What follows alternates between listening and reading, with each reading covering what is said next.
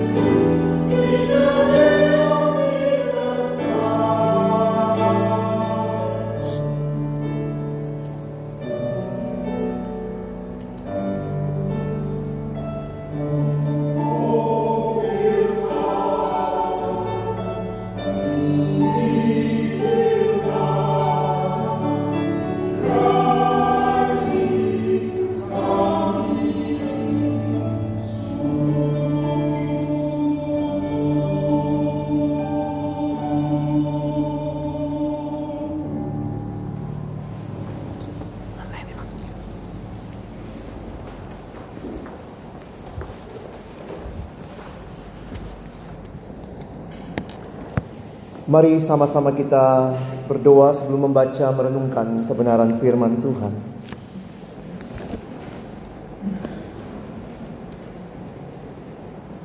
Kami bersyukur untuk hari perhentian yang kau berikan kepada kami.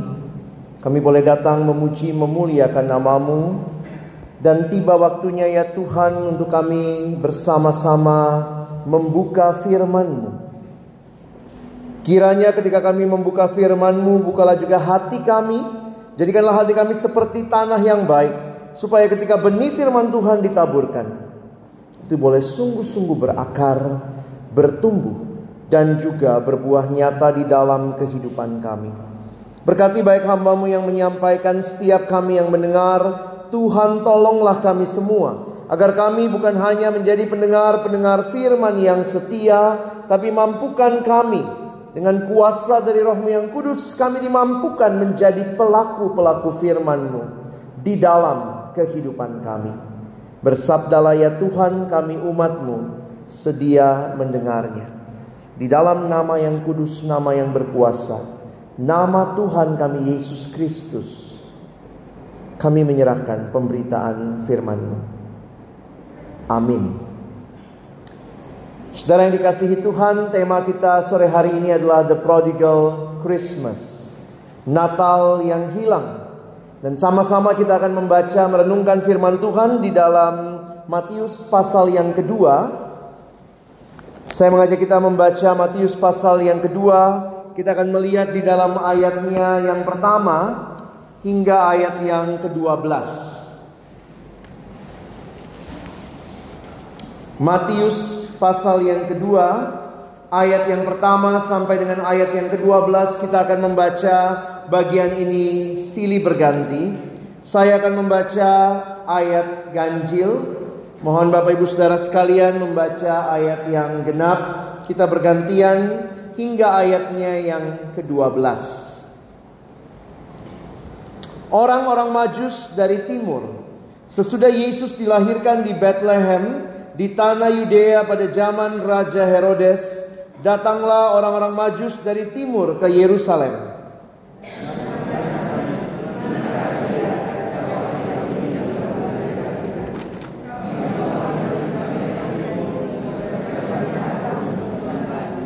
Ketika Raja Herodes mendengar hal itu, terkejutlah ia beserta seluruh Yerusalem.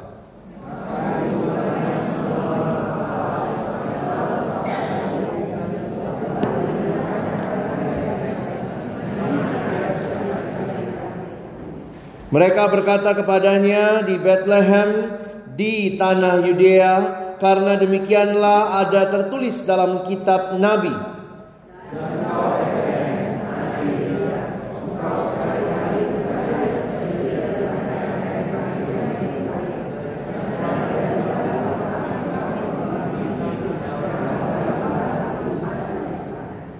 Lalu dengan diam-diam Herodes memanggil orang-orang Majus itu dan dengan teliti bertanya kepada mereka bila mana bintang itu nampak.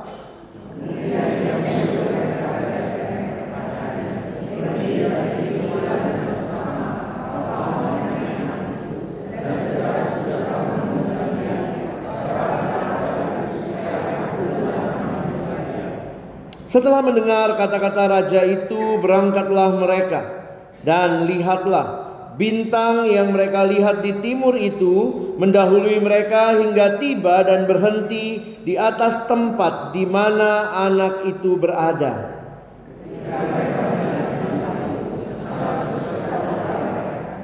Maka masuklah mereka ke dalam rumah itu dan melihat anak itu bersama Maria, ibunya, lalu sujud menyembah dia. Mereka pun membuka tempat harta bendanya dan mempersembahkan persembahan kepadanya yaitu emas, kemenyan dan mur.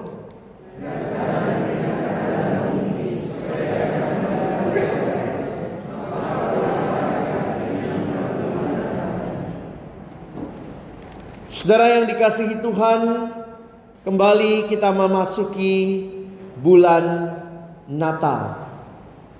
Gereja Tuhan di dalam sejarah memulai kalender gerejawi bukan mulai dengan tahun baru, tetapi mulai dengan masa Advent. Hari ini kita masuk dalam minggu Advent yang pertama. Advent artinya datang. Siapa yang datang? Di dalam minggu Advent kita mengingat kembali kedatangan Kristus 2000 tahun yang lalu. Tapi pada saat yang sama kita juga ingat dia akan datang kali yang kedua. Dia berjanji dia akan datang dan dia akan menggenapinya. Gereja Tuhan disiapkan untuk boleh menyambut kedatangan sang raja itu. Demikianlah kita sama-sama punya kesempatan mengingat siapa yang lahir pada waktu Natal. Kenapa saudara? Karena mungkin Natal dekat dengan akhir tahun, banyak kemeriahan di mana-mana, maka mungkin sekali juga kemeriahan yang lain menutupi Natal itu sendiri. Beberapa tahun yang lalu saya membaca satu artikel ditulis seorang hamba Tuhan, dia memberikan judul yang menarik. Merayakan Natal itu berbahaya. Kenapa? Karena mungkin sekali pada waktu Natal kita sibuk dengan begitu banyak hal yang lain, tapi kita kehilangan fokus Natal yang sesungguhnya. Dalam artikelnya dia menulis demikian saudara. Mungkin kalau Yesus juga datang di Natal kita sekarang, Yesus itu terbengong-bengong kagum saudara. Apa hubungannya semua ini dengan aku? Kira-kira Yesus akan bilang begitu ya. Apa hubungannya Yesus sama Sinterklas? Sepupuan? Enggak, saudara. Apa hubungannya Yesus sama Olaf? Snowman. Apa hubungannya Yesus sama Rudolph, the red-nosed reindeer? Begitu banyak kemeriahan di saat Natal, itu pun hal-hal yang dalam tradisi mungkin kita tidak tinggalkan, masih ada dalam Natal-Natal kita, masih ada dalam dekorasi Natal kita, tetapi pertanyaannya siapa yang kita rayakan pada waktu Natal? What is the most important thing about Christmas?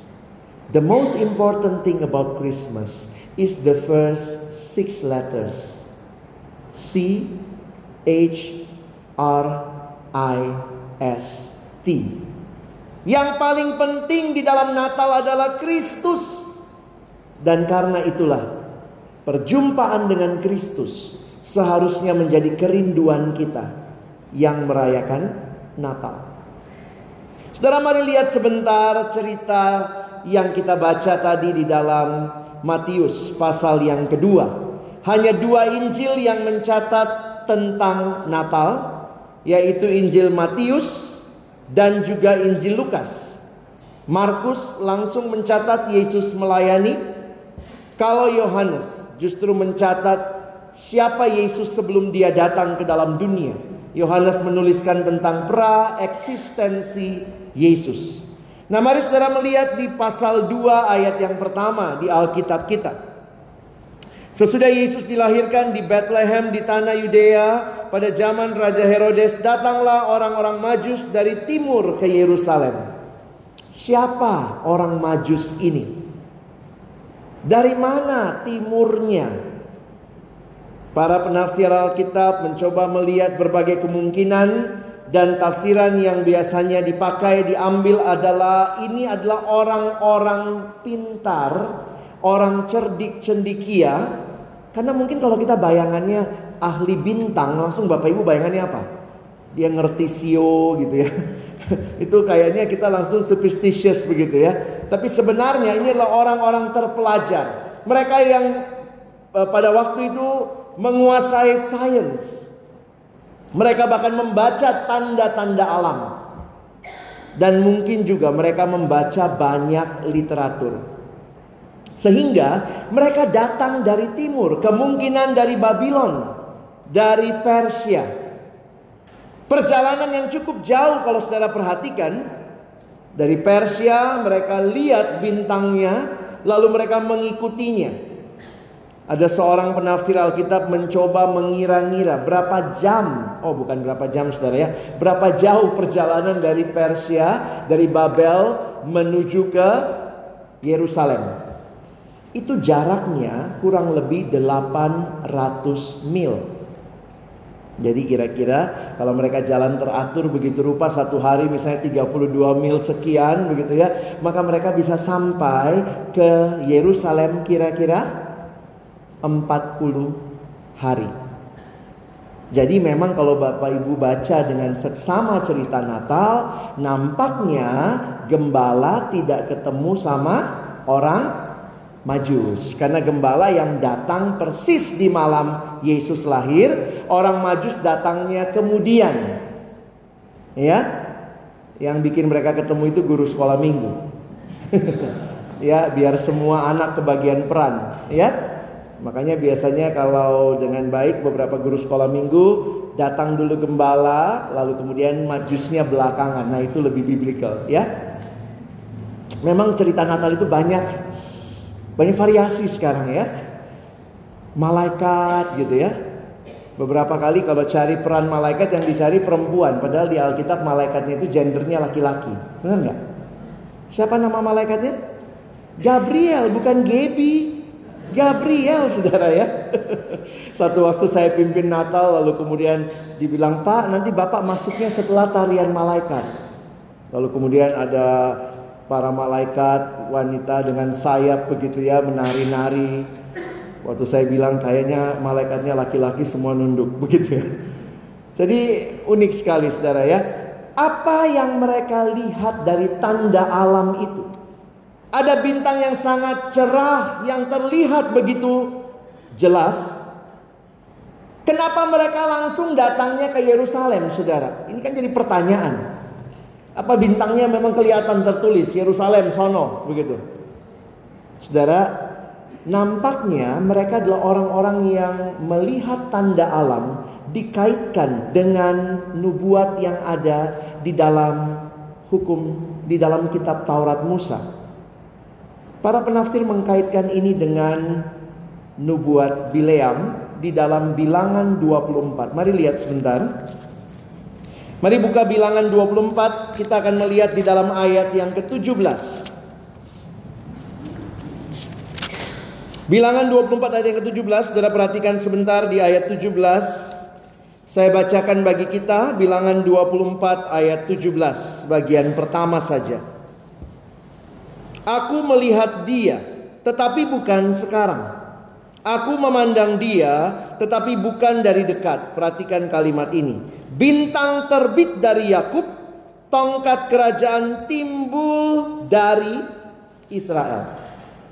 Jadi kemungkinan besar, apalagi kalau kita tahu orang Yahudi pernah dibuang ke Babylon, kemungkinan kitab perjanjian lama juga dikopi dan ada kopinya tinggal di Babylon sehingga orang-orang yang cerdik cendikia ini membaca, nampaknya ketika mereka melihat tanda alam seperti itu, mereka langsung menyimpulkan, mengkaitkan dengan nubuat Bileam di sini sehingga karena ini bicara raja Yahudi. Mereka datang. Datangnya ke mana? Ke Yerusalem. Yerusalem adalah pusat agama Yahudi, pusat pemerintahan orang Yahudi. Walaupun pada waktu itu mereka ada di bawah penjajahan Romawi. Sehingga mereka datang ke sana melalui perjalanan yang jauh dan bertanya-tanya. Saudara lihat pertanyaannya menarik. Di manakah dia raja orang Yahudi yang baru dilahirkan itu. Kami telah melihat bintangnya di timur dan kami datang untuk menyembah dia. Nampaknya Herodes dikasih tahu ya. Dan waktu dikasih tahu lihat responnya Herodes ayat 3. Ketika Raja Herodes mendengar hal itu terkejutlah ia beserta seluruh Yerusalem. Ini kalau Walt Disney ini satu kota gitu ya. Terkejut, Saudara. Seluruh Yerusalem. Apa yang menjadi hal yang menarik di sini? Pasti Herodes kaget. Mungkin dia cek istrinya, ada nggak yang baru melahirkan istriku ya? Karena tidak ada yang melahirkan Siapa raja yang baru lahir? Saudara, tidak mungkin ada dua raja duduk di takhta yang sama.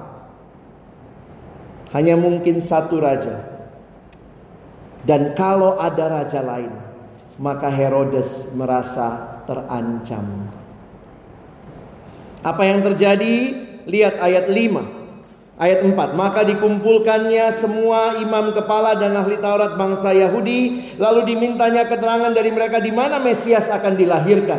Herodes ajak semua, ini PA dulu ya, pendalaman Alkitab. Lihat ayat 5 Saudara, mereka tahu jawabannya, ada di Alkitab.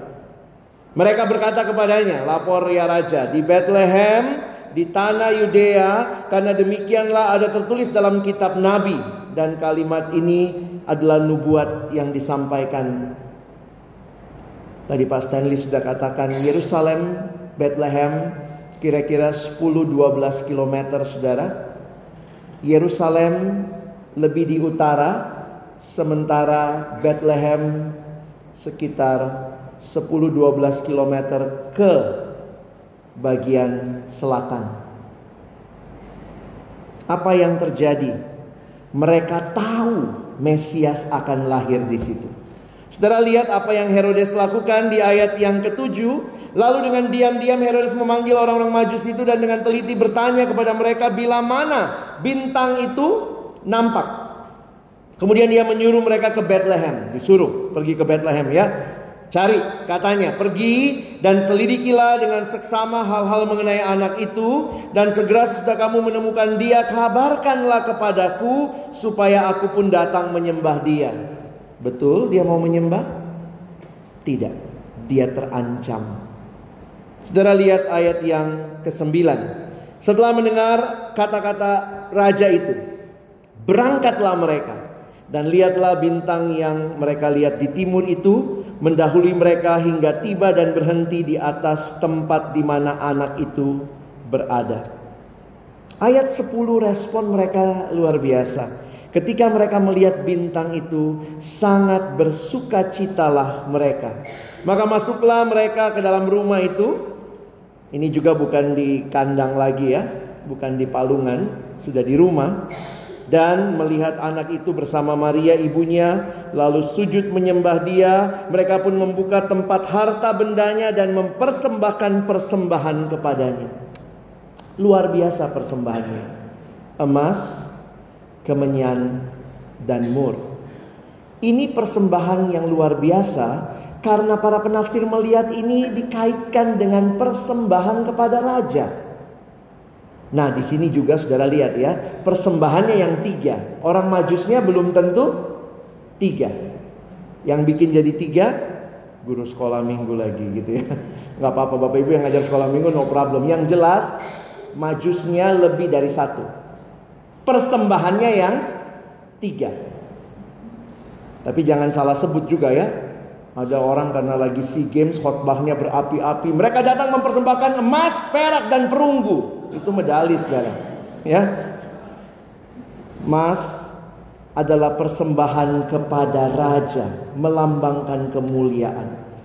Kemenyan itu dipakai di dalam ibadah orang Yahudi, itu melambangkan keimaman, imam di hadapan Allah akan membakar ukupan kemenyan. Tapi yang menarik adalah persembahan yang terakhir, mur. Itu biasanya untuk melakukan pembalseman orang yang meninggal. Tapi saya pikir ini juga jadi semacam tanda bahwa mereka datang menyembah raja dan menunjukkan kematiannya akan menjadi sangat signifikan. Ada yang baca, loh kok Yesus miskin padahal waktu lahir aja ada yang kasih emas. Ya, ke mana emasnya Yesus? Tabung di bank mana? Masa kok waktu dia melayani jadi miskin begitu tidak Yusuf tukang kayu dan seterusnya? Ada penafsir yang mengatakan nampaknya itu yang dipakai untuk membiayai mereka lari ke Mesir dan tinggal selama dua tahun dan kembali lagi dari Mesir. Tapi apa yang bisa kita pelajari dari kisah ini? Saya melihat ada hal yang menarik saudara, saya ingin fokus kepada pertanyaan para majus. Pertanyaan para majus adalah di manakah dia raja yang baru dilahirkan itu? Saudara, kalau ini juga ditanyakan kepada kita, maka pertanyaan ini apakah kita bisa pahami saat ini bahwa tidak mungkin ada dua raja duduk di tahta yang sama. Harus salah satunya turun tahta. Kalau betul yang lahir ini bukan sekedar bayi mungil, tapi dia adalah raja atas segala raja. Dia Tuhan yang layak menerima pujian, hormat dan sembah kita. Kalau betul Yesus Raja, maka saudara dan saya harus turun tahta. Banyak orang senang merayakan Natal karena kemeriahannya banyak. Tapi pertanyaannya, apakah kita sungguh-sungguh mau memberikan tempat yang utama di hati kita Bukan aku rajanya, tapi engkau ya raja yang lahir dalam hatiku. Kalau engkau adalah raja, maka aku berhenti jadi raja atas hidupku. Hidup di dalam dosa, aku rajanya. Aku yang berkuasa, aku yang atur. Tapi kalau sungguh yang lahir adalah raja, saudara dan saya turun tahta, maka sekarang berbeda. Bukan apa yang aku mau, tapi apa yang rajaku mau. Bukan apa yang menyenangkan hatiku, tapi apa yang menyenangkan hati raja. Siapakah Yesus yang saudara dan saya rayakan kelahirannya? Dia sekadar bayi mungil, bisa dibully gitu ya. Karena bayi kecil gitu ya, jatuhin ya, jatuhin ya. Oh, banyak orang bermain-main dengan Yesus karena dia hanya bayi mungil. Tapi pertanyaan para majus yang datang dari jauh ingin menyembah sang raja. Pertanyaan ini mengejutkan bukan hanya Herodes, tapi juga seluruh Yerusalem. Dan pertanyaan ini masih mengejutkan buat manusia modern. Manusia modern yang merasa akulah segala-galanya, dirikulah segala-galanya, akulah rajanya. Harus siap ketika merayakan Natal berkata, Tuhan aku turun tahta, sekarang kau yang bertahta. Kalau dulu apa yang aku mau, mungkin yang kamu mau adalah judi, minum, wah hidup seenaknya. Itu kalau aku rajanya, sekarang kalau engkau rajanya, Aku turun tahta, hidupku berubah. Natal bukan sekadar perayaan. Natal adalah perubahan. Orang yang merayakan Natal harusnya mengalami apa artinya Yesus Raja satu-satunya yang mau kita layani, kita senangkan, kita sembah. Ada empat respon yang bisa saudara lihat di dalam bagian ini. Saya mengutip dari satu buku yang saya baca, menarik sekali pendekatan dia melihat ada empat respon melihat kelahiran sang raja. Respon yang pertama dia kaitkan dengan ciptaan. Perhatikan the creation. Creation responded by putting a miraculous star in the heavens to tell the world a king had been born. Alam pun menyatakan dengan bintang yang hadir itu, raja itu sudah datang. Saya pikir saudara dan saya kita lebih dari sekadar bintang ya. Bagaimana respon kita ketika alam pun menyatakan rajanya lahir? Bagaimana dengan hidup kita? Respon yang kedua saudara. Ini responnya Herodes. Apa yang dia responi? Ketakutan saudara. Mulai melihat wah ngeri sekali. Saudara kalau baca sejarah tentang Herodes, saudara akan bisa paham betapa responnya itu seperti itu. Saya bacakan dari satu buku yang saya baca. Herodes adalah keturunan Edom. Ia mencapai ia bisa mencapai puncak kekuasaan dengan dukungan dari kekaisaran Romawi. Ia menjadi raja yang ditempatkan di tanah Yudea dan mengabdi kepada Kaisar Agustus. Saudara tahu, sejarah mencatat Herodes begitu protektif dengan kekuasaannya dan sangat mudah iri dengan calon-calon rivalnya. Sejarah mencatat Herodes membunuh ipar laki-lakinya karena dia takut akan ambil tahtanya. Dia membunuh ipar laki-lakinya yang adalah seorang imam besar yang waktu itu lebih muda dari dia dan lebih populer dengan merekayasa kematiannya seolah-olah kecelakaan tenggelam di kolam yang dangkal.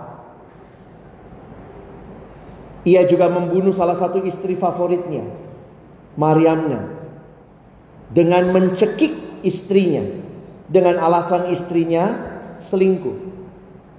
Ia mengeksekusi dua anaknya. Dia mengeksekusi hukuman mati dua anaknya karena dituduh memberontak kepada dia. Dan lima hari bahkan sebelum kematiannya, ia bunuh lagi anaknya yang lain. Jadi saudara bisa bayangkan waktu tiba-tiba ada yang datang, di mana raja yang baru dilahirkan itu? Wah, Herodes langsung merasa ini bakal bikin saya lengser. Mungkin saudara bilang ngeri kali Herodes ini ya. Kok bisa kayak begitu? Tapi pertanyaannya, jangan-jangan ada Herodes kecil di hati kita yang berkata, "Tuhan, saya tidak butuh raja lain, masih saya rajanya." Kalau perlu, saya bunuh kamu. Saudara, respon Herodes sebenarnya mewakili respon manusia yang tidak mau tunduk kepada raja yang sesungguhnya. Di dalam dosa, manusia titiriri, mati-matian untuk diri sendiri. Aku, aku, dan aku. Kiranya ini bukan respon kita. Waktu saudara merayakan Natal, relakan hatimu jadi tahta bagi sang raja. Respon ketiga, siapa saudara? Menarik di ayat yang keempat, ini respon imam kepala dan ahli Taurat bangsa Yahudi. Saudara mereka tahu Mesias lahir di Bethlehem. Bahkan mungkin juga mereka sudah mendengar rumornya, mereka juga pasti lihat bintang itu, tapi bukannya datang ngecek ke Yerusalem, ke Bethlehem. Mereka tahu informasi. Tapi sayangnya mereka tidak punya relasi. Ini yang terjadi, Saudara. Yang terjadi adalah mereka cuma kasih tahu di sana lahir. Silakan ke sana. Saya sudah nyaman di sini. Cuma 10-12 km saudara. Jarak waktu itu mah deket ya. 6 sampai 7 mil. Tapi para majus yang datang dari jauh rela, mereka yang punya informasi stay back. Tidak mau datang. Saudara, banyak orang Kristen seperti ini sekarang ya. Tahu firman, banyak hafal ayat, bisa ulangi khotbah, tapi hidup nggak berubah. Wah, kalau begitu kita butuh lebih daripada sekadar pengetahuan. Saudara butuh pengetahuan, butuh informasi. Tapi dengan sang raja, engkau dan saya butuh relasi. Alami. Natal sekali lagi bukan sekadar perayaan, tapi perubahan. Natal bukanlah kita tahu informasinya, tapi alami relasinya. Jangan sampai saudara ikut semua Natal, rajin ke gereja, ikut semua aktivitas, tapi ternyata hidup tidak berubah. Itulah kemeriahan Natal yang sering kali menutup kita dari sang raja yang datang. Satu waktu saya pimpin Natal, saudara. Ya begitulah ya, kalau Natal kan sekarang orang nyarinya dapat apa? Hadiahnya apa? Nanti tanya lagi, apa souvenirnya? Natal uh, ada makanannya enggak? Lalu satu waktu saya datang ke satu acara Natal, saya tidak bisa sebut di mana ya. Lalu MC-nya begitu, setelah khotbah, ibadah selesai, masuk perayaan, lalu terakhir dia ngomong, baik saudara, kita tiba pada acara puncak kita malam ini, makan malam bersama. Oh bukan khotbah saya puncaknya ya, bukan ya, makanannya. Memang orang datang cari makan ya. Tapi sungguhkah kita alami relasi dengan sang bayi Natal itu? Respon terakhir yang keempat dan harusnya inilah respon kita yang sejati. Respon para majus. Rela datang mencari. Punya informasi, datang untuk berelasi dan berakhir dengan adorasi adoration. Mereka menyembah sang raja. Mempersembahkan semua yang terbaik yang mereka miliki. Apakah ini juga respon kita yang merayakan Natal?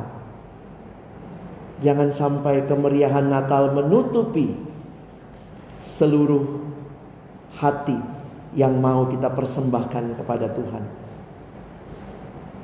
Natal terus dirayakan sepanjang bulan ini.